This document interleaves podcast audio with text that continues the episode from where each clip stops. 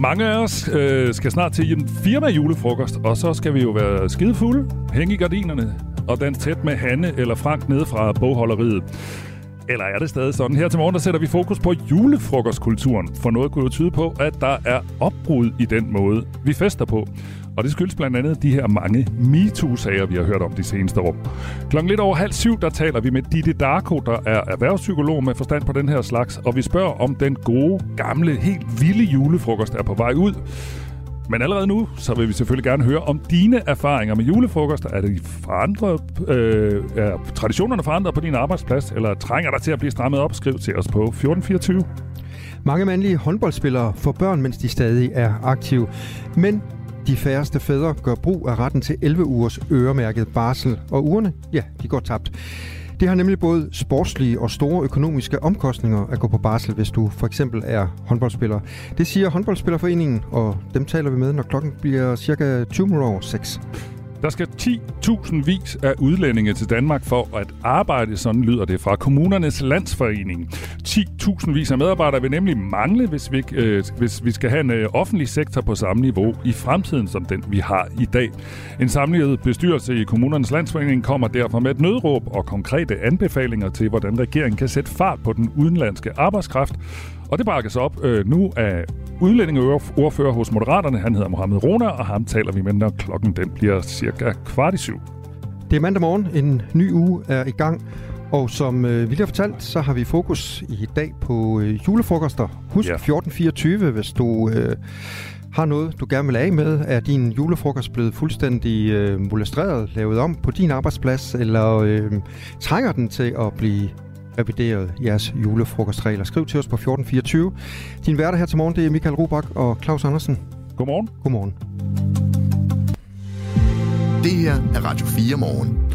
En dramatisk gisselsituation i Hamburg Lufthavn, som havde varet i adskillige timer, fik en ende i går eftermiddags. En bevæbnet mand havde siden lørdag aften holdt sit fireårige barn som gissel i en bil i lufthavnen i Hamburg. Men i går ved halv tre-tiden om eftermiddagen, der øh, steg faren øh, ud af den her bil, og manden blev anholdt af politiet uden modstand, lyder det fra tysk politi. Hele gisselsituationen betød, at rigtig, rigtig mange rejsende har været strandet i Hamburg og har været mærket af begivenhederne. En af dem er Jesper Thomsen, som er pensionist og som var på vej på ferie til Mallorca. Godmorgen. Godmorgen.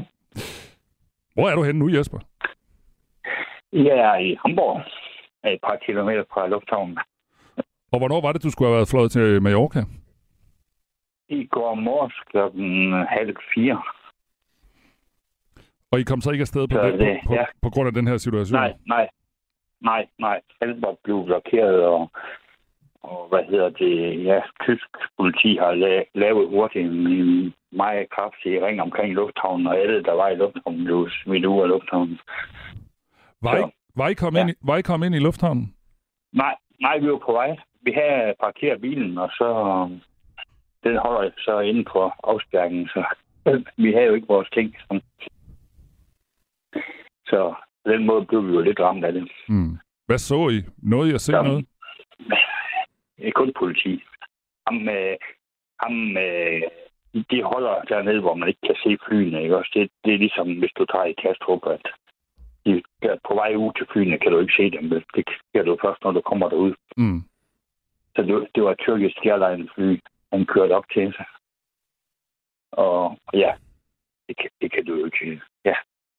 Men I kunne se en masse politifolk? Men jeg har snakket med nogen, der... Ja, ja. Og så jeg har set så mange. Jeg tror ikke, der er så mange i Danmark, som jeg så her i Hamburg. og de kørte rundt over alt, ikke også? Altså, byerne var spærret, eller byen var fuldstændig spærret dernede i, i det område, hvor lufthavnen ligger. Nåede I at opfatte sådan, Så, hvordan, men, nåede I at opfatte, hvordan sådan stemningen var? Altså, var, var folk bange og nervøse, eller hvad, hvad, nåede, hvad nåede I at se? Nej, ved du hvad, det var faktisk meget roligt. Øh, men det er sådan helt surrealistisk. Man tror jo ikke rigtig på det, vel? Altså, hvad sker der? Det er først, når man kommer til at sidde og snakke med folk, at altså, hvad, hvad er der egentlig i gang i, også? Hvor man tænker, kommer til at tænke på det. Det er jo ikke os, det er galt med, at vi kommer en dag eller to for sent på ferie. Det er jo fuldstændig ligegyldigt, også? At det er mere, at der sidder en fireårig pige øh, inde i en bil med en mand, der måske, eller jeg har faktisk ikke hørt om, han var bevæbnet. Ifølge, Ifølge... de har fundet noget. Men altså, det, det er jo egentlig det, der er skrækkeligt, at vi andre, vi kommer øh, en eller to dage for sent på ferie. Det, øh, hvis ikke vi overlever det, så er vi noget skvært, ikke? Det er du fuldstændig ret i. får- Det er du fuldstændig ret i. Ifølge flere tyske medier, der kørte manden, der senere blev anholdt øh, gennem en barriere og ind på lufthavnens område lørdag aften, og de beskriver, at han affyrede flere skud og også kastede, hvad en politimand over for me- mediet Frankfurter Allgemeine beskriver som en slags Molotov-cocktails ud af bilen. Og baggrunden for hændelsen menes øh, ifølge politiet at være en strid om forældremyndighed. Den bevæbnede far har til Sydlandet haft til hensigt at rejse til Tyrkiet med sin datter, oplyser tysk politi. Og det hele endte øh, heldigvis forholdsvis øh, udramatisk i går, og lige nu der taler jeg med Jesper Thomsen, som er pensionist og som egentlig var på vej på ferie på Mallorca, så skulle flyve fra øh, Hamburg Lufthavn. Hvad fik I egentlig at vide, da I kom frem? Øh, I starten ingenting faktisk. Mm. Kun at lufthavnen var spærret, og alle afgange var aflyst. Altså, det var egentlig det eneste, vi vide. Så, jamen, så fandt vi egentlig bare et, et hotel, og så kom vi selvfølgelig til at snakke med en masse mennesker, som er ramt af det samme, fordi nu sagde det var mange. Det var, øh, så vidt jeg kan, det er 34, godt 34.000 mennesker, der blev ramt af, af aflysninger. Ikke? Så det er jo en del mennesker, der skulle findes hoteller til. Det er rigtigt, det var 286 flyvninger, øh, der blev ramt, og 34.500 passagerer, der blev ramt af det, der skete i Hamburg i går. Jesper Det er Thomsen, jo helt vildt, at, at ja. Jesper Thomsen, hvor hurtigt gik vi det op? har jo nogen, der skulle have med det fly. Der skulle med det tyrkiske fly. Så det var jo lidt... Vores, vores nabo her på, på hotellet, han skulle have været med det fly, og han var lidt mere chokeret, end vi andre var måske. Ja. Undskyld, jeg afbryder Ja. dig, øh, Jesper Thomsen, men jeg sidder og, tænker på, hvor hurtigt gik det op for jer, at øh, det var sådan en, øh, et familiedrama, der var gang i. Noget i at tænke, at øh, det kunne være noget andet, noget terror for eksempel, i forbindelse med øh, det, der sker i Mellemøsten lige nu? Nej, nej, det tænkte vi faktisk ikke over, men, men det, selve situationen, den viser egentlig bare, hvor skrøbeligt det er. Ikke? Også, at øh, det kan ske i eftermiddag i København, ikke? Ja. Altså, du kan bare køre hjem, hvis du har lyst. Altså, vi kan ikke lave en sikkerhed, der kan forsvare os mod dumheder af os mennesker. Så, enkelt er det egentlig ikke også. Så, så nej, vi tænker ikke over, at det var terror. Men det er da klart, at situationen i Mellemøsten har jo ikke gjort det lettere for, for ja, i hvert fald dem, der skal passe på os, hvis man kan sige på den måde. Mm. Og andre kan jo ikke, vi kan jo ikke gøre noget vel. Altså, det hjælper ikke noget, at vi bliver mere racistiske, eller mere, mere holder os mere hjemme, eller noget andet vel. Det hjælper jo ingenting. Nå, det er du ret i. Vi taler med Jesper Thomsen, som er pensionist, og som egentlig var på vej på ferie på Mallorca, og nu opholder sig på et hotelværelse i Hamburg på grund af den her situation, der var i Hamburg Lufthavn i går. Jesper, hvad er planerne egentlig nu så? Jamen, nu skal vi jo have en dag til at gå i Hamburg, inden vi flyver i aften til Mallorca. Så det bliver sådan lidt, ja, hvad laver man i Hamburg? ja, hvad laver man i Hamburg? Det, ja, det ved jeg sgu ikke. Ja, Jamen, det er da bare en jævn kedelig by, ligesom alle andre store byer i Østborg. Der er et godt kunstmuseum Øh, i Hamburg, er Jesper bare- ja. Thomsen, hvis du er interesseret i det. Så, jamen, så prøver vi det. Ved du hvad? Men nu skal du så bliver sgu ramt af tysk. øh, De har jo ikke ligesom i Danmark, forretninger lukker om søndagen. Ah, Og så- det, det, det var næsten den største krise, vi kunne blive udsat for, ikke? nå okay. Jamen, så går det jo nok alt sammen. nej, nej. Nej, men, øh, men, men ja, det var en forfærdelig situation, Ja. og det var, man kan sige, man kan som borger undre sig over, at det kan tage 18 timer at få en mand ud af en bil, ikke også? Men, men ja, Ja. det gjorde det så. Vi er alle sammen glade for, at det er endt lykkeligt, og øh, du kommer også på ferie i aften. Tak fordi du var med her, Jesper Thomsen. I må have en rigtig god dag hjemme i Danmark. Jo, tak skal du have, og god tur til Mallorca. Klokken den er 14 minutter over 6. Det her er Radio 4 morgen.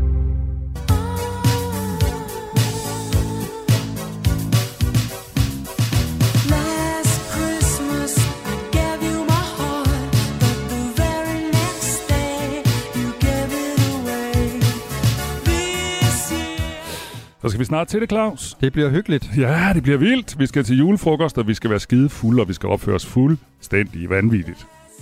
Absolut, selvfølgelig. Eller skal vi, fordi her til morgen, der spørger vi, hvad har MeToo-bølgen gjort ved festkulturen på vores arbejdspladser?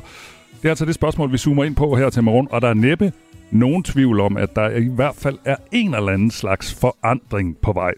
Fagforeningen Lederne har et lederpanel øh, med cirka 1000 ledere, og her svarer halvdelen i en helt frisk måling, at de i de senere år er blevet mere bevidste om deres adfærd til julefrokost. Altså halvdelen har sådan begyndt at, er begyndt at tænke sådan lidt over, hmm, hvordan er det lige, jeg opfører mig, når øh, det, det er blevet tid til julefrokost. Og hele 83 procent, altså mere end 8 ud af 10, siger, at de tilpasser deres opførsel til julefrokosten.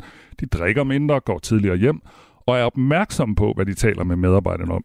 Vi har talt med teamchef for ledelsesrådgivning i fagforeningen Lederne. Han hedder Michael Urenholdt. Hvis man fester helt igennem, så er man måske i helt kontrol med, hvad man siger og gør.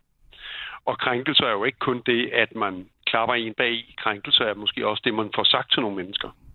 Er der en udvikling i det her, tror du? Ja, men der, det er helt tydeligt at se. Det hører vi, og det ser vi, og det kan vi også se på de undersøgelser, vi har lavet tidligere. Der er flere og flere, der er bevidste om, at, at man har en, en, en særlig rolle som leder, og at, at man skal tænke sig om, hvordan man nu går til de her fester. Men på trods af den her opmærksomhed øh, fra ledernes side, så beretter fagforeningen Djøf, at de stadig får masser af medlemshenvendelser, der handler om seksuel chikane eller krænkelser, og de fleste de kommer i forbindelse med firmafester som julefrokoster. Jeg tænker, det er alt for højt. Det er alt for mange mennesker, der kommer i klemme og får nogle virkelig ubehagelige øh, oplevelser, som, som sætter sig spor langt ud i fremtiden. Sådan sagde Bella Lea Buono, der er chefkonsulent i Djøfs rådgivningscenter. Hun fortæller, at man får ca. 150 henvendelser om året, der handler om krænkelser og seksuel, seksuel chikane. Det er der, hvor øh, medarbejderen har, har oplevet en eller anden form for, for grænseoverskridende adfærd. Det kan være øh, noget uønsket opmærksomhed, kommentarer om, at man har pæne bryster i den kjole, eller upassende berøringer for eksempel. Sådan sagde altså Bella Lea Bruno, der er chefkonsulent i Djøfs rådgivningscenter, som øh, også kan fortælle, at man før MeToo havde mellem 0 og 5 henvendelser om året, der handlede om krænkelser til firmafester som julefrokoster. Hende her, Bella, taler vi mere med efter nyhederne klokken halv ni. Og netop MeToo-bølgen, som jo på en eller anden måde øh, spiller ind på, hvordan vi fester, blev i høj grad sat i gang af tv-vært Sofie Linde i 2020. Jeg vil lige starte i Danmarks Radio. Vi skulle til julefrokost, og jeg havde glædet mig. Og så kommer der den her store tv-kanon op. Tager fat i min arm og siger, hvis du ikke går med ud og sutter min pæk, så fucking ødelægger jeg din karriere. Så ødelægger jeg dig. Sådan sagde Sofie Linde til Zulu Comedy Gala om en julefrokost på DR, altså på Danmarks Radio. Og vi har spurgt Danmarks Radio, om de har lavet regler for deres fester øh, øh, efter, øh, jule, øh, efter den her tale af Sofie Linde. Og de svarer, at det har man ikke, men man har et adfærdskodex, som også gælder, når der bliver festet. Og i det der hedder det blandt andet sådan her.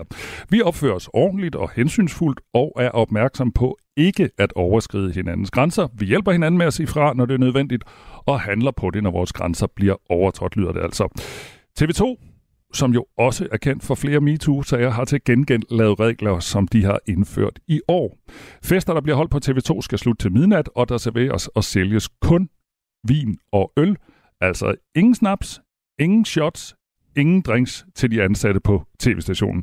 Klokken halv otte, der taler vi med Lennart Sten, der er hovedtillidsmand på TV2, og vi spørger blandt andet, hvorfor det er nødvendigt med de her regler, og medarbejderne også synes, det er en god idé. Og så har vi også været på gaden i København for at hente lidt meninger om julefrokoster og MeToo. Prøv at lytte med her. Opfører du dig ordentligt til julefrokost? Jeg opfører mig altid ordentligt. Om det er til julefrokost eller ikke er til julefrokost. Jeg tænker altid, at man skal opføre sig ordentligt, om det er MeToo-tider eller ikke er MeToo-tider. Så dem, der ikke har opført sig ordentligt i førhen, de gør det vel stadig ikke. Så ja, gensidig respekt for hinanden, så kører det.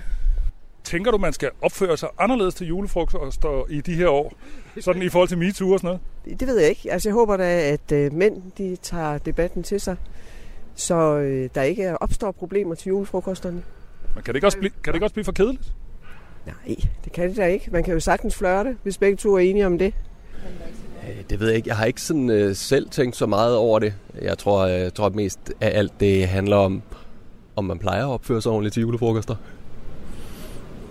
Så du tænker, at den kan få fuld gas? Ja, yeah, det tror jeg faktisk. Men, men, men hvor er grænserne? Jeg tror umiddelbart, jeg vil tænke, at grænserne går, hvor de sådan går til dagligt. Det er i hvert fald det, det, det er sådan, min- det er der min grænse plejer at gå i hvert fald. Så du går ikke mere amok, end du vil gøre en torsdag? Nej, det vil jeg ikke gøre. Jeg tænker godt, man kan have det sjovt uden at bryde grænser, umiddelbart. Og dem, jeg talte med her, det var Nikolaj Brask, Annie, Jette Thomsen og Thomas Lykke, og det var nogen, jeg mødte foran Amager-centret forleden.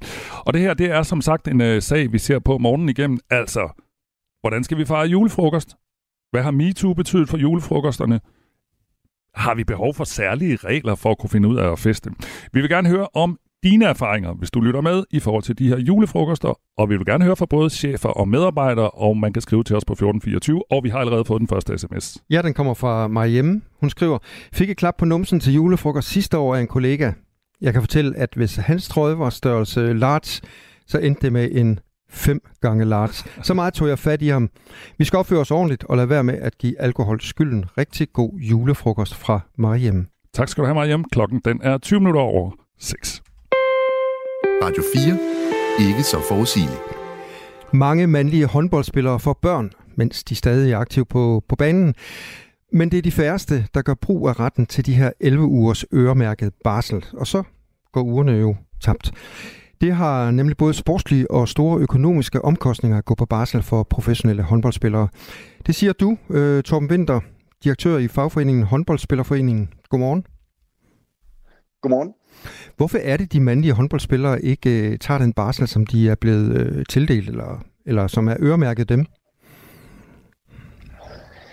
Jamen altså, det er, det er et specielt job øh, at være professionel øh, sportsudøver. Øh, der er naturligvis mange sammenlignelige typer af, af arbejde, hvor man, hvor man også bliver hyret på, på de her specifikke spidskompetencer, men, men i håndboldens verden, der, der indgår nogle særlige elementer, som ender med at, at præ, ender med at præge kulturen på en eller anden øh, måde. Altså du har nogle holdkammerater i en lidt mere eksplicit grad, end du nok har i et team på en, på en almindelig arbejdsplads, og, og du har en træner, der er sådan enrådigt er herre over din spilletid, som vi lige har hørt et eksempel på i, øh, i, i pressen. Og så er der en, så er der en klub og nogle sponsorer, som har forventninger til, at der leveres og prioriteres inde på banen. Og, øh, og endelig er der en eksponering og en interesse udefra, som blandt andet gør, at vi, vi sidder og har den her snak i dag.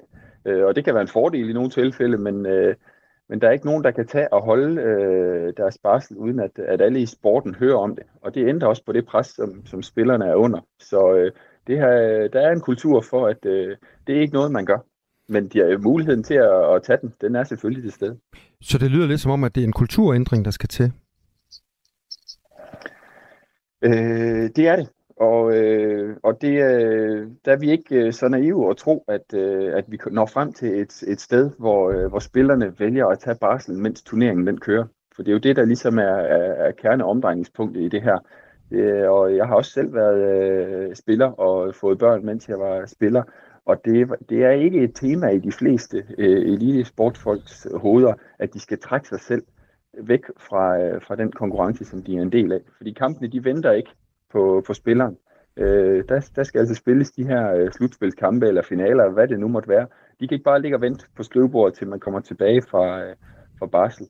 Øh, og der er man en form for sin egen lille virksomhed som, som spiller, hvor, hvor kroppen er ens handelsvare, og øh, den mister værdi, hvis du er en, der trækker dig ud øh, fra, fra en, øh, det, som klubberne ser som en aftale, man har indgået om, at man er, er til rådighed. Øh, og det kan vi sagtens blive enige om, at det, øh, man har selvfølgelig friheden til at gøre det, men hvor fri er man i virkeligheden øh, til at gøre det? Det er der i hvert fald ikke mange spillere, der føler, at de er. Jamen, hvis vi lige holder fast i, undskyld, holder fast i den her kulturændring, hvorfor kan man ikke bare aftale i, i, i, i klubben, at øh, vi behandler hinanden øh, ligeværdigt, altså ligesom alle mulige andre steder øh, på arbejdsmarkedet, og træneren har en forståelse for, at øh, nu er der altså en spiller, som øh, skal på, på barsel, og det betyder nødvendigvis ikke, at øh, han mister sin øh, plads på, øh, på holdet, når han kommer tilbage.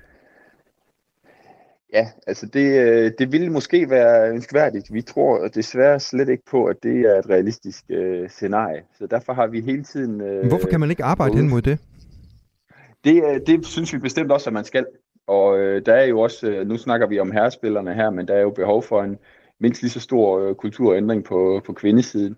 Men i forhold til herrespillerne, så tror vi, det, at vejen hen mod den her kulturændring, den går mod sådan i første omgang at få afholdt noget barsel. Altså vi, øh, vi synes jo, øh, at øh, sådan intentionen bag det her EU-direktiv, som det jo er, den er, den er rigtig fint, at man gerne vil øh, efterstræbe en mere ligelig forældrerolle. Øh, men, men hvis det øh, i, sådan i håndboldsverden øh, resulterer i, at øh, barsel nu bare går tabt, så vil det være bedre, at vi forsøger at se på, om kan vi få afholdt nogle af ugerne. Øh, og der har vi jo foreslået øh, klubberne, eller det vil sige divisionsforeningen, at man prøver at kigge på, på den enkelte spillers øh, håndboldkalender og sige, jamen, okay, er der, er der en slutrunde pause, hvor man kan holde en uge eller to? Er der øh, muligheder for at finde nogle uger, når turneringen den er stoppet, og, og holdet går bare på det, man kalder, kalder sommertræning, øh, hvor man kan undværes øh, på banen, og så kan vi ligge nogle uger der.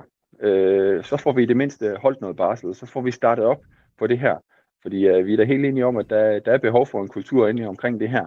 Fordi øh, spillerne, øh, spillerne føler ikke, at valget er frit øh, nu, og det vil kræve en, øh, en ændring. Og, øh, men at tro, at vi kan få klubber og trænere til at, øh, øh, at ændre på, på den her konkurrencementalitet øh, sådan overnight, det vil være urealistisk. Ja, nu bruger du ordet urealistisk. Jeg ved jo, at øh, I allerede har øh, været ude med et forslag i juni, der forlag øh, Spillerforeningen, altså jer, øh, klubberne, en model, hvor spillerne kan tage lønnet barsel, når turneringen ligger stille. For eksempel efter sæsonafslutningen, som du selv har været inde på. Men flertallet af de her klubber, de stemte nej til det forslag. Så hvorfor bliver vi ved med at tro, at øh, der ligger en løsning lige her? Jamen, vi, er, vi har jo også valgt at parkere en, en kollektiv løsning, øh, og det er vi selvfølgelig ærgerlige over, fordi det, vi har jo en rigtig god dialog øh, med divisionsforeningen for rigtig, på rigtig mange områder, og øh, det havde vi egentlig også haft omkring det her. Øh, og vi øh, mødte også mødekommenhed fra, øh, fra øh, rigtig mange klubber øh, i forhold til den her model. Men der var nogen, der var øh, modstandere, øh, og, øh, og så er øh, det desværre sådan, at hvis de ikke kan blive enige alle sammen, øh, så vælger de ikke at gøre noget. Og, øh, og så, så for at, og ikke bare lade det ligge stille, jamen så, så kæmper vi ufortrødent videre, øh, og så må vi tage det en spiller og en klub ad gang. Fordi vi er sikre på, at øh, når vi får præsenteret den her model øh, for, for klubberne, øh, enkeltvis når de står med en konkret spiller, øh, og får snakket igennem øh, for og imod, øh, så håber vi, at klubben kan se, at det her det er noget, der ikke har sportslige omkostninger, og det er noget, der heller ikke økonomisk rammer klubben, fordi det vil jo være en, øh, en løn, som de ville have holdt spilleren på alligevel, hvis han ikke tog barsel. Øh, Øh, så øh, vi, vi mangler modargumenterne for, at øh, klubberne ikke skal gå ind i og, og finde en løsning, fordi det her det handler jo rigtig meget om trivsel øh, for, for den enkelte spiller, øh, og for, for tryghed i det og, og, og blive forældre, og også som noget øh, øh, imødekommenhed til, øh, til det familieliv, som øh, det kan være svært at, at få til at hænge sammen, øh, fordi at, øh, at en håndboldspillers liv er, der kan være, øh, som mange siger, der er måske en masse fritid og, øh, og privilegier ved det, men der er meget lidt frihed, fordi at datorerne er så fastlagt, og det er træningslejre, og det er kamper, og det er øh, og alle træninger og sådan noget, de, øh, de er ikke til at flytte på. Øh, det er der en del omkostninger ved øh, i, i et familieliv. Øh, så synes vi, at det her det er, en, øh, det er en ekstra og ærgerlig øh, komplikation, øh, fordi man bliver ramt på den her lidt specielle kultur, som, som der er omkring det her arbejde det tror vi på, at vi kan, øh, vi kan overbevise de enkelte klubber om. Øh, så, øh, så vi kæmper videre. Ja, de her nye barselsregler, de trådte altså i kraft 2. august sidste år, betød en mere lille fordeling mellem forældrene. Ændringen kom, fordi et EU-direktiv pålægger medlemslandene at sikre, at der er minimum to måneders barsel til hver forælder. I Danmark er 11 uger som udgangspunkt øremærket til hver forælder, uden mulighed for at give det til den anden. Hvis man som lønmodtager ikke ønsker at holde sin øremærket overlov, så mister familien de ugers orlov. Øh, Torben Winter, nu er øh, tiden ved at, at, at løbe fra os, så hvad er dit øh, bedste bud på øh, en ændring inden for, øh, inden for håndboldverdenen i forhold til øh, 11 ugers barsel til, til faren? Hvornår ser vi, at der sker noget nyt? Jamen altså, vi har, vi har allerede øh, heldigvis nogle klubber, der har, der har prøvet den her model af, vi har foreslået, og øh, øh med, med, med god succes. Og, øh, så vi tror på, at de gode historier og de gode erfaringer, som vi forhåbentlig får rundt omkring i klubberne, de kan gøre, at vi kan lave en kollektiv løsning. For der er ingen tvivl om, at vi helst så, at klubberne gjorde nøjagtigt det samme, øh, sådan at spillerne ikke skulle til at kigge på, øh, er det her et godt sted at få børn? Øh, det synes vi ikke er en konkurrenceparameter, som klubberne de skal, det er fint, de konkurrerer på løn og på alle mulige andre vilkår omkring spillerne, men lige på det her område, der synes vi, at, at rettighederne og mulighederne, de bør være ens. Så ganske kort, den kollektive løsning, hvad går den ud på? Jamen det vil, vi, så, vi så jo allerhelst, at der var nogle, nogle rammer for, at, øh, at man gik ind i, når der var en, en, en barsituation, så gik øh, hver spiller øh, og klub sammen og øh, kiggede på, hvor mange uger kan vi passere i forhold til, hvor, hvor mange uger vil der være fri uden for, for ja. ferie og turnering mm. øh, i, den, i det enkelte tilfælde. Sådan det er en dialog, som hvor var simpel at løse. Ja, tak skal du have, Torben Winter, direktør i fagforeningen Håndboldspillerforeningen. Godmorgen. Godmorgen. Og her i studiet er det Claus Andersen og Michael Robach, der er din værter her til morgen. Og på nyheder, der har vi Asbjørn Møller. Klokken er halv syv. Nu er der nyheder på Radio 4. På mange virksomheder bliver årets julefrokost uden snaps, drinks og andre former for spiritus. Det viser en undersøgelse lavet af fagforeningen Lederne. Her svarer hver fjerde i fagforeningens lederpanel, at der kun bliver serveret vin, øl og vand på deres arbejdsplads til de forestående julefrokoster. Michael Urenholdt, der er teamchef i fagforeningens ledelsesrådgivning, siger, at det er en naturlig udvikling, fordi landets ledere i de senere år har haft øget fokus på festkulturen på arbejdspladserne. Hvis man fester helt igennem, så man måske ikke helt kontrol med, hvad man siger og gør. Og krænkelse er jo ikke kun det, at man klapper en bag i. Krænkelse er måske også det, man får sagt til nogle mennesker. Han understreger, at der er en klar udvikling. Ja, men der, det er helt tydeligt at se. Det hører vi, og det ser vi, og det kan vi også se på de undersøgelser, vi har lavet tidligere. Der er flere og flere, der er bevidste om, at, at man har en, en, en særlig rolle som leder, og at, at man skal tænke sig om, hvordan man nu går til de her fester. TV2, som har haft flere sager om krænkelser til fester, er en af de virksomheder, der fra i år har indført, at fester og julefrokoster er uden spiritus, og derfor bliver der kun serveret øl og vin. Og vi har mere om julefrokoster, regler og MeToo morgen igennem her på Radio 4 morgen. Den ukrainske præsident Volodymyr Zelensky afviser påstande fra blandt andet en af landets egne generaler om, at krigen mod Rusland er endt i et taktisk dødvande. Så lyder det i et interview med det amerikanske medie NBC News.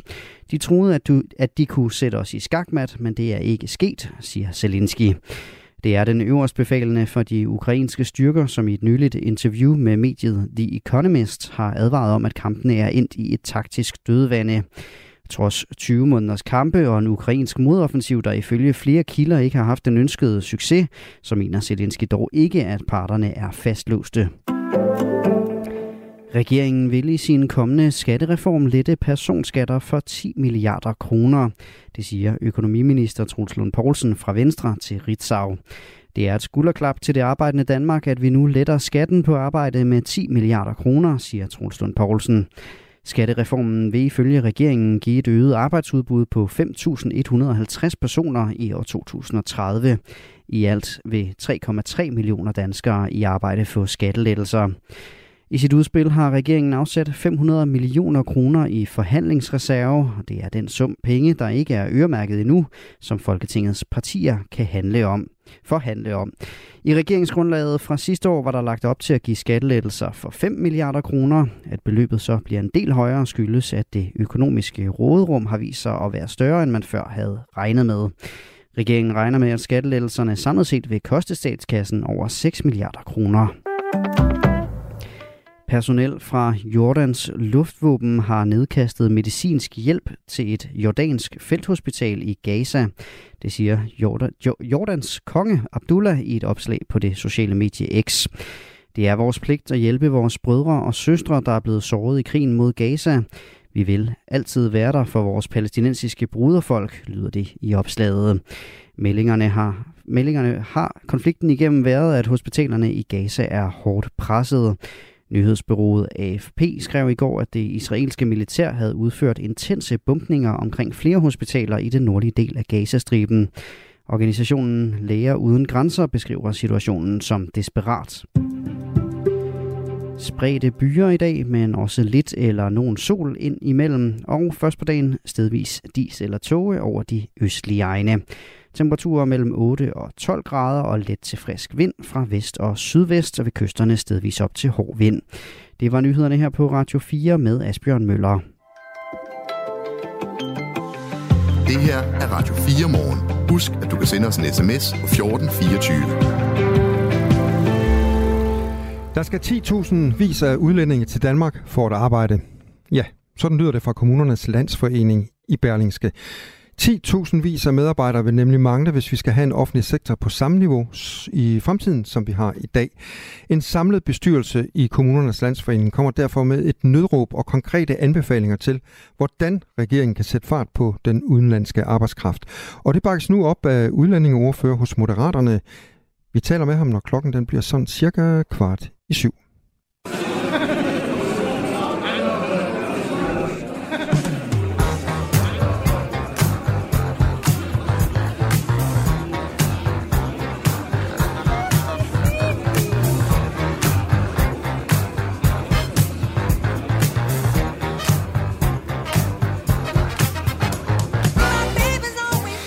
Sådan her lyder det snart mange steder fest og gang i den. Øl og snaps i stride strømme, dans og halløj. Der er nemlig mange af os, der snart skal til julefrokost. Men er den traditionsrige firmafest helt så løsluppen, som den har været tidligere? Det fokuserer vi på her til morgen. Noget kunne nemlig tyde på, at julefrokosten er i forandring, ikke mindst efter de seneste års MeToo-sager. På TV2, der som bekendt har flere krænkelsesager, der har man fra i år ligefrem indført regler for festerne på tv-stationen. Julefrokoster, der holdes på TV2, slutter kl. 24, og der serveres øh, og sælges kun vin og øl. Altså ingen snaps og shots og drinks til TV2's medarbejdere. Og en helt frisk måling fra ledernes fagforening, der fortæller hver fjerde af de adspurgte i deres lederpanel, at der kun serveres øl og vin til deres julefrokoster. Er det en god idé med den her slags regler, og hvad betyder MeToo for vores julefrokost? Det skal, øh, julefrokoster? Det skal vi blandt andet tale om nu. Ditte Darko er erhvervspsykolog, forfatter til en bog om MeToo og rådgiver virksomheder i den her slags sager. Godmorgen. Godmorgen. Nu nævnte jeg lige, at TV2 øh, og flere andre virksomheder har lavet nogle regler for, for julefrokost, altså noget med, hvad der bliver serveret og hvornår man skal gå hjem og den slags. Synes du, at virksomheder bør lave sådan nogle regler eller anbefalinger for julefrokoster? Jeg synes, det er en rigtig god idé, at virksomheder i dag, de gør sig nogle overvejelser over, hvad, øh, hvad er formålet med, med den julefrokost, de skal holde, og hvad er succeskriteriet, og det her med, jamen, hvad er det for en, øh, hvordan får vi skabt øh, grundlag for så god en mulig fest for så mange øh, af vores medarbejdere som muligt. Så jeg kan rigtig godt forstå, at virksomheder i dag øh, går ind og, og, og, og tænker øh, lidt over de her ting øh, god tid i forvejen. Og jeg vil også sige, at det, helt generelt så er det en rigtig god idé, at man laver nogle regler, øh, for dem i virksomheden, der har ledelses- og personaleansvar. Øh, fordi man kan jo sige, at med, med magt og ledelsesansvar i dag, jamen, der følger også det her faktum, at man er jo altså ikke lige med sine medarbejdere, og de vil se en anderledes, end man ser sig selv. Øh, og vi ved jo bare fra utallige eksempler det her med, at julefrokosten, den er den her klassiske gråzone øh, for krænkende adfærd, også desværre jo. Øh, fordi det er sådan en, øh, man kan sige, en, en situation, hvor det private og professionelle smelter sammen, og når der så også er alkohol involveret, så ved vi bare, jamen så stiger, øh, man kan sige, sandsynligheden for, at noget går galt mm. også. Nu nævnte du lederne, Ditte Darko. Lad os lige tage lidt mere fra ledernes øh, fagforening. Der svarer nemlig hele 4 84 procent i deres lederpanel også, at de tilpasser deres adfærd til julefrokoster. Det vil sige, at de drikker mindre alkohol, de går tidligere hjem, og de er meget opmærksomme på, hvad de taler med deres medarbejdere om.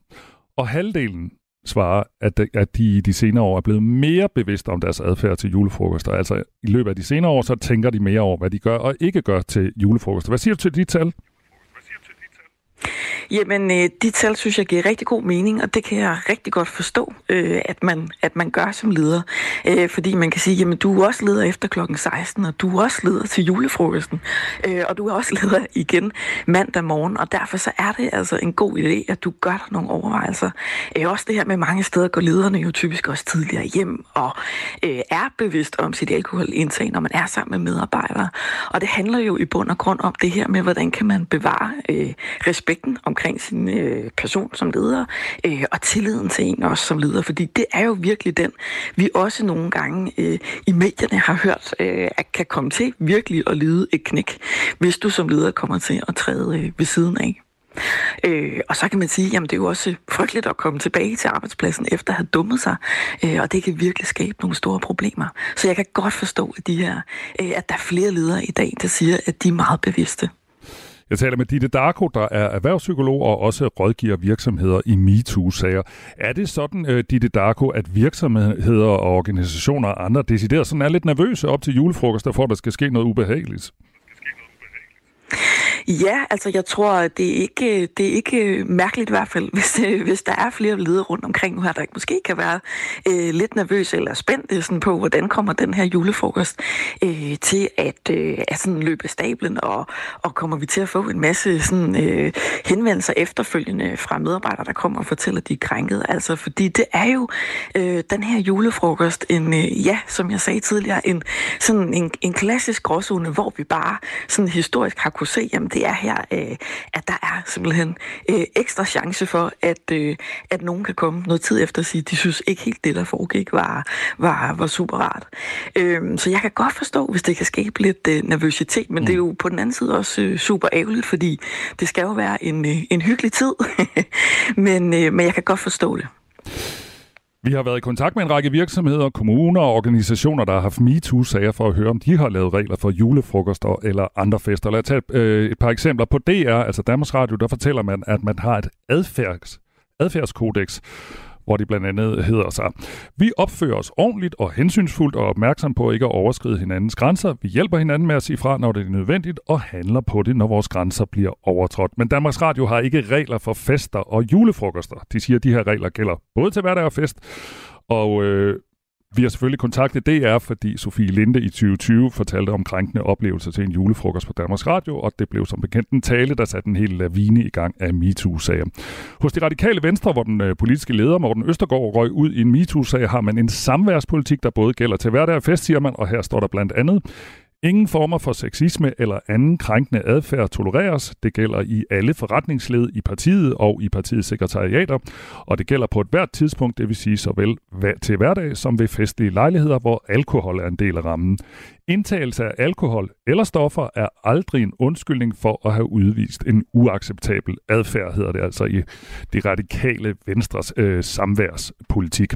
Og på TV2, der har man altså, som jeg nævnte før, lavet regler for, hvad der må serveres, og det er altså kun øl og vin, og hvornår medarbejderne skal gå hjem, og det er altså ved midnatstid.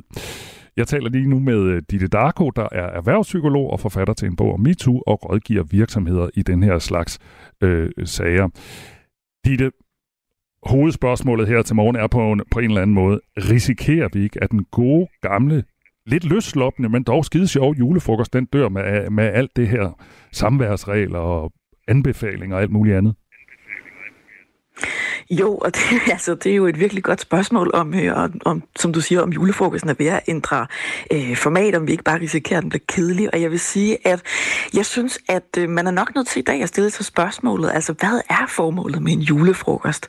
Øh, det her med, hvad er succeskriteriet, og hvad er en, en god fest, og det her med, hvad forventer ens medarbejdere? Og det kan være rigtig godt øh, at få, få overvejet nogle af de her ting og sige det højt. Øh, og jeg vil også sige det der med tre snakken, før noget sker, fordi øh, det vigtigste det er jo det der med, at så længe man kan se hinanden i øjnene igen på mandag, når vi mødes og have et godt samarbejde, jamen så er alt godt.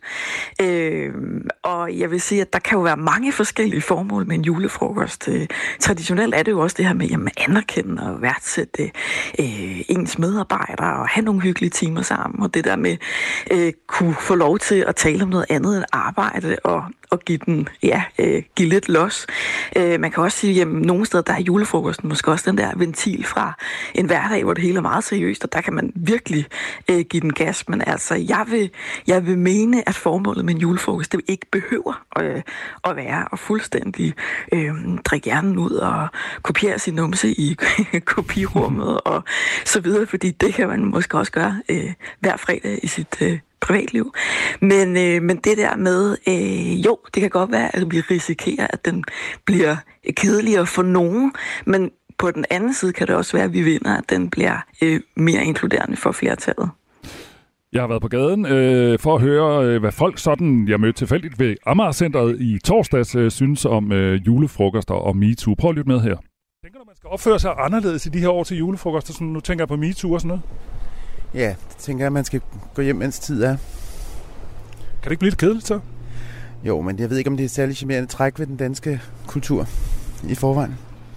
Tænker du mere over sådan noget krænkelser og grænser og sådan noget i de her år? Nej, egentlig ikke. Jeg tror ikke, det ligger til mig. Du har altid opført dårligt. Ja, det vil jeg sige. Altså, jeg håber, at øh, folk de kan opføre sig ordentligt, og selvfølgelig, når man får noget at drikke, så går hjernen ud, ikke? Så, ja. Men selvfølgelig ville det da være rart, hvis øh, folk kunne opføre sig bedre. Har du oplevet, at folk øh, har drukket hjernen ud til fester og julefrokoster? Ja, nogen har. Det har jeg. Har det så været ubehageligt? Jeg har aldrig oplevet noget. Jeg har kunnet klare mig selv. Jeg skal nok sæ- sætte dem på plads. Tænker du, man skal opføre sig anderledes i de her år til julefrokoster? Altså nu tænker jeg på sådan noget MeToo og den slags. Nej, det har vi jo gjort de sidste mange år, så det er der ingen grund til at lave om på. Så du tænker, vi har opført os ordentligt? Jeg har i hvert fald. Tænker du i de her år, man skal opføre sig lidt anderledes til julefrokoster end måske for 10 eller 20 år siden? Nej. det synes jeg ikke. Jeg spørger selvfølgelig på grund af MeToo og den slags. Ja, ja, ja, selvfølgelig er der meget af det. Jeg synes bare, det er så fjollet det hele. Så, Hvad, hvad synes du, der er fjollet? jamen, at man, at man skal passe sådan på. Altså, der er jo flere ting, hvor jeg tænker, det er da okay, ikke? Altså, så man kan jo snart ikke sige eller gøre noget med folk mere, så... Tænker du, man godt må danse tæt og kramme? Og... Ja, ja, ja, det må man da. Det må man da. Er der ikke noget ved det. Jeg taler med Stig Larsen, Kate Hansen, Bent Larsen og Hanne Val. Og lige nu der taler jeg med Ditte Darko, der er erhvervspsykolog. Og den sidste, vi hørte, Ditte øh, sagde noget i stil med, at det er fjollet, og man må næsten ikke noget mere. Og vi har også fået en sms fra en, der hedder Jytte. Hun skriver, hold op med at være så krænket. Me too har virkelig ødelagt meget. Hvad siger du til det, Ditte Darko? Øh, har MeToo simpelthen ø- ødelagt det hele for os, der gerne vil have det sjovt? Øh, altså, jeg vil jo sige, at på den ene side kan jeg godt forstå, hvis der er nogen, der øh, synes, at øh, nej, det her med, nu må vi heller ikke noget længere, og hvorfor er det, at, øh, at det her med MeToo bare skal ødelægge øh, ting og sager, nu er det hele blevet lidt for woke. Øh, men jeg vil jo sige, som virksomhed, der handler det jo om sådan grundlæggende at skabe et grundlag for en god øh, fest for alle. Og det her med, jamen på den lange bane, der handler det også om at være en attraktiv arbejdsplads, som man kan tiltrække og fastholde øh, medarbejdere, man er glad for. Øhm, og jeg synes ikke, det er underligt det her med, at julefrokosten egentlig ændrer sig eller ændrer karakter med de øvrige ændringer, vi ser i samfundet. Øh, jeg tror, at det, der er vigtigt, det er at sådan kunne have en dialog om, hvad er det, vi gerne vil bevare, øh, og hvad er det, vi gerne vil udvikle. Og det er jo fint, hvis man nogle steder siger, når vi har egentlig altid godt kunne finde ud af det, vi vil bare fortsætte med de samme traditioner, som vi har haft.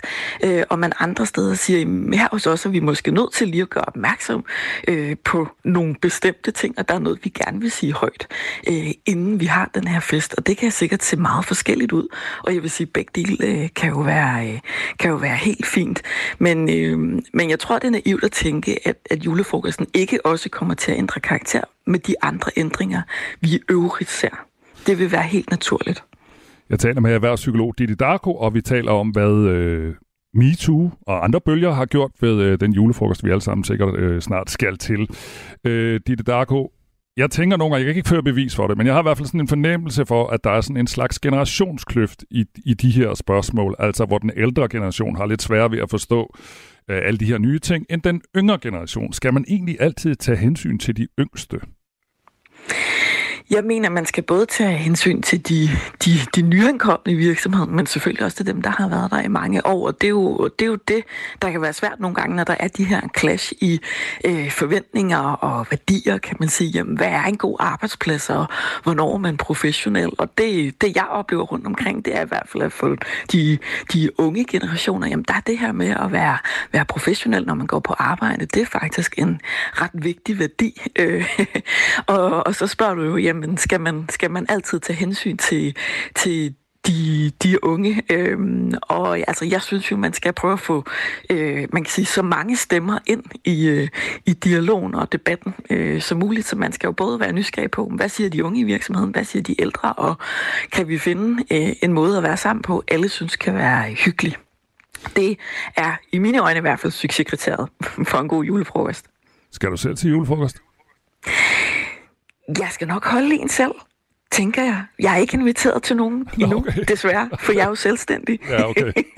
Så det er trist, øh, men, øh, men jeg håber, jeg skal nok komme til nogle sjove fester alligevel. Nå, det er godt. Tusind tak, fordi du var med her. Altså erhvervspsykolog Ditte Darko. Selv tak. Efter nyhederne klokken halv otte, der taler vi med Lennart Sten, der er hovedtillidsmand på TV2 og spørger, hvorfor det er nødvendigt med regler, der sender medarbejderne hjem klokken 24 helt uden snaps. Hvad tænker du, der lytter med? Er det godt med regler til julefrokost, eller skal vi bare give den gas? Og har du dårlige eller gode erfaringer med julefrokost, øh, så del dem med os. Vi vil gerne høre fra både chefer og medarbejdere. Du kan som sædvanligt skrive på 1424, og Claus, du sidder med fingeren op, så det er der nogen, der har gjort. Det har Michael fra øh, Horslev. Han skriver, har været til mange julefrokoster, og alle har været sjove og uden problemer. Mig bekendt. Men der er jo en gang imellem nogle øh, toghorn, der ikke kan opføre sig ordentligt, og det går ud over alle, der kender til grænser. Ærgerligt, skriver Michael fra Horslev. Øh, Jeg kigger også i postkassen her, jeg kan se, der er også en, der skriver, at fjerne muligheden for at nyde alkohol til firmafester skaber bare før og efterfester. Tak for sms'erne. Klokken den er snart 10 minutter i syv. Du lytter til Radio 4 morgen. Der skal 10.000 vis af udlændinge til Danmark for at arbejde. Sådan lyder det fra kommunernes landsforening. 10.000 vis af medarbejdere vil nemlig mangle, hvis vi skal have en offentlig sektor på samme niveau i fremtiden, som vi har i dag. En samlet bestyrelse i kommunernes landsforening kommer derfor med et nødråb og en række konkrete anbefalinger til, hvordan regeringen kan sætte fart på den udenlandske arbejdskraft. Mohamed Rona er udlændingeordfører hos Moderaterne. Godmorgen.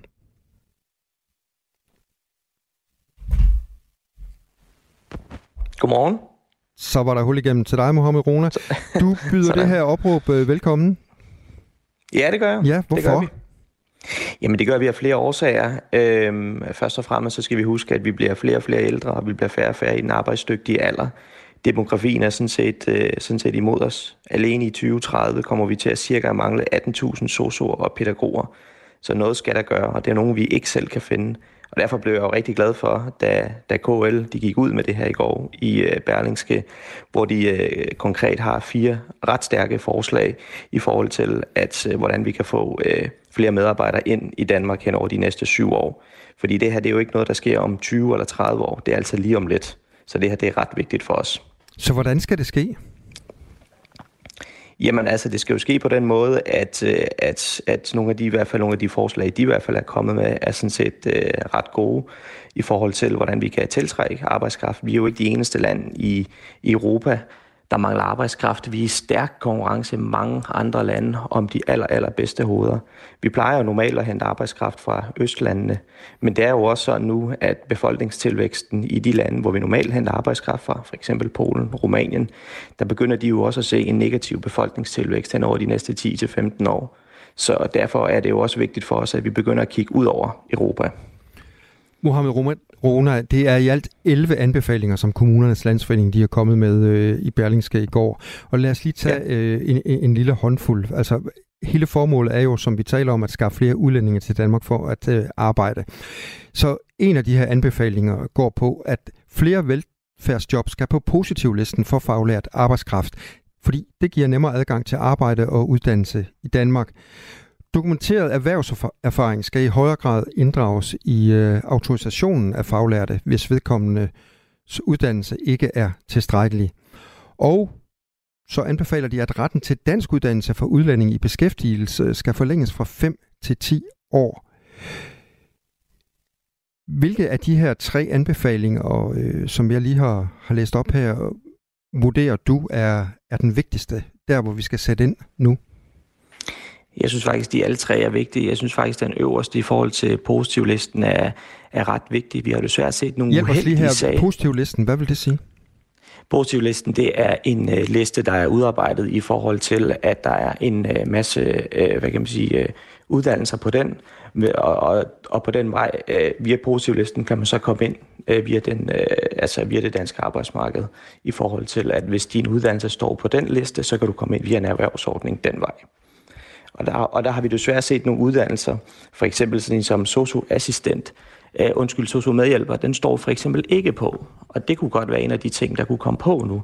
Fordi vi har desværre set nogle af de her uheldige sager, hvor, øh, hvor sociomedhjælper ikke står på for eksempel en positiv liste, og det kan jo så betyde, at de for eksempel måske ikke kan øh, forlænge deres ophold. Så det er i hvert fald et rigtig godt punkt. Det andet punkt, som jeg synes er rigtig god, det er i forhold til dansk kravet.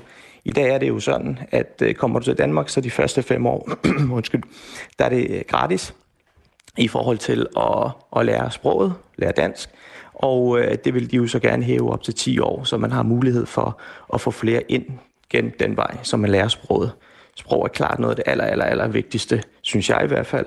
Også i forhold til, og, i forhold til integrationsdelen, og i forhold til at komme ind på arbejdsmarkedet. Jeg taler med øh, Mohamed Rona, der er udlændingeordfører øh, hos Moderaterne. Mohamed Rona, hvor skal øh, den her arbejdskraft så komme fra?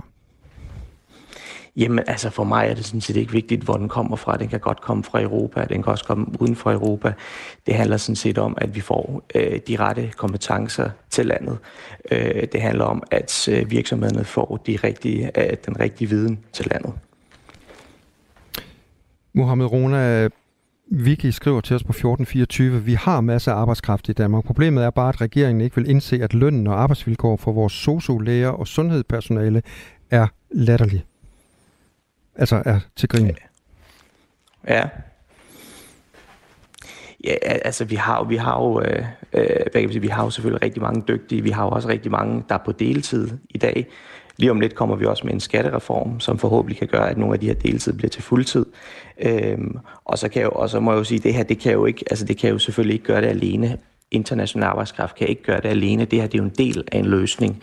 Og det, det, og det er den løsning og de punkter, som, som øh, KL kommer ud med her i går i forhold til Berlingske, er nogle af nogle ret stærke punkter i forhold til at kunne tiltrække mere Men arbejdskraft har, inden for men har. Vicky ikke en pointe i, at hvis vi bare betalte øh, en ordentlig løn herhjemme, så var der masser af folk, der vil tage de her jobs, øh, som socioassistenter for eksempel?